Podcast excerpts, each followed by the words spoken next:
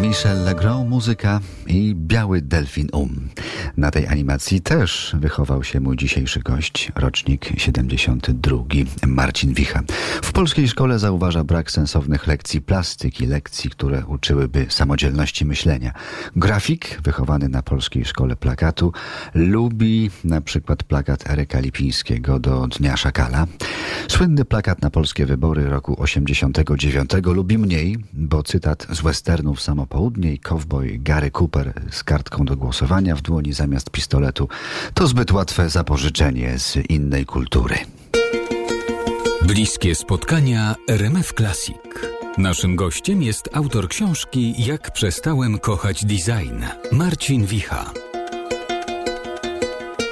Taka najważniejsza lekcja plakatu to dla mnie było to, że można w zasadzie to samo powiedzieć na tyle sposobów.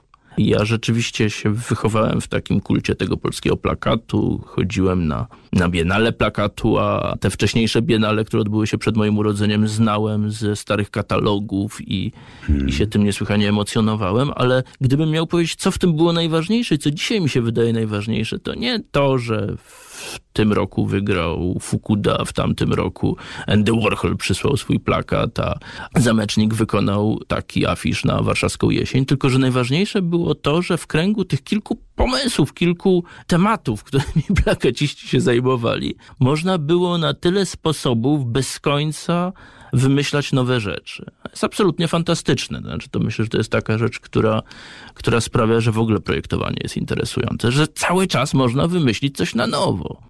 Strasznie lubię plakat y, Tomaszewskiego do Kordiana z takim stadem ptaków, które się unoszą, nachlapanych właściwie, nabazgranych, takim mm. pańskim gestem Tomaszewskiego, który był po prostu wielkim rysownikiem i potrafił paroma takimi jakimiś uderzeniami pędzla coś y, zmajstrować. Ale ten plakat lubię i lubiłem go zawsze dlatego, że on jest zaobserwowany, że to jest taka scena z takim stadem ptaków, które jak to czasami nad miastem się unoszą jesienią czy, czy, czy mhm. zimą, prawda? Nagle nie wiadomo skąd się pojawia na niebie stado ptaków.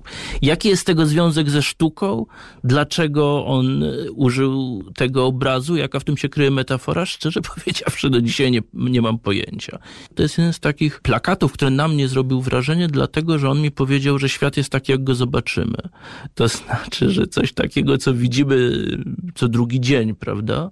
Stado ptaków na niebie, nagle może się stać jakimś znakiem, jakimś obrazem, może stać się czymś odświętnym, ważnym. Jest zauważone. No i to mi się wydaje niesłychanie w tym plakacie jakieś takie uderzające i to sprawia, że, że jakoś tam go mam przed oczami.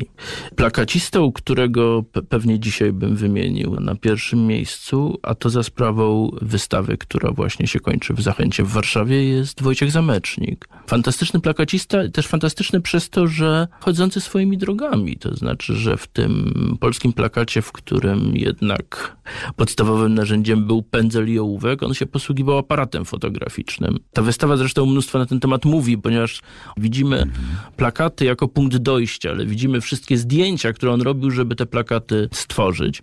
I widzimy, jak one powstawały to też jest y, niesamowite, bo widzimy, że takie opartowskie efekty, które nam się kojarzą z użyciem jakiegoś komputera czy programu, powstawały po prostu w ten sposób, że on takie kompozycje odbijał na papierze fotograficznym, potem je wyginał i ponownie fotografował. I to połączenie finezji tych efektów z prostotą jego metod jest naprawdę niesamowite.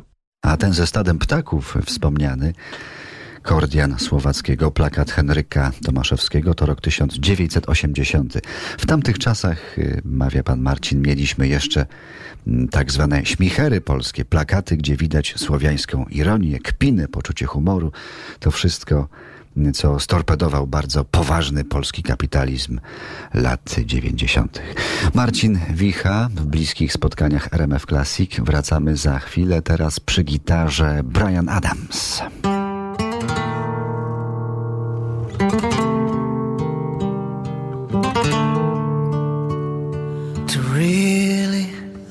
Love a woman, to understand her, you gotta know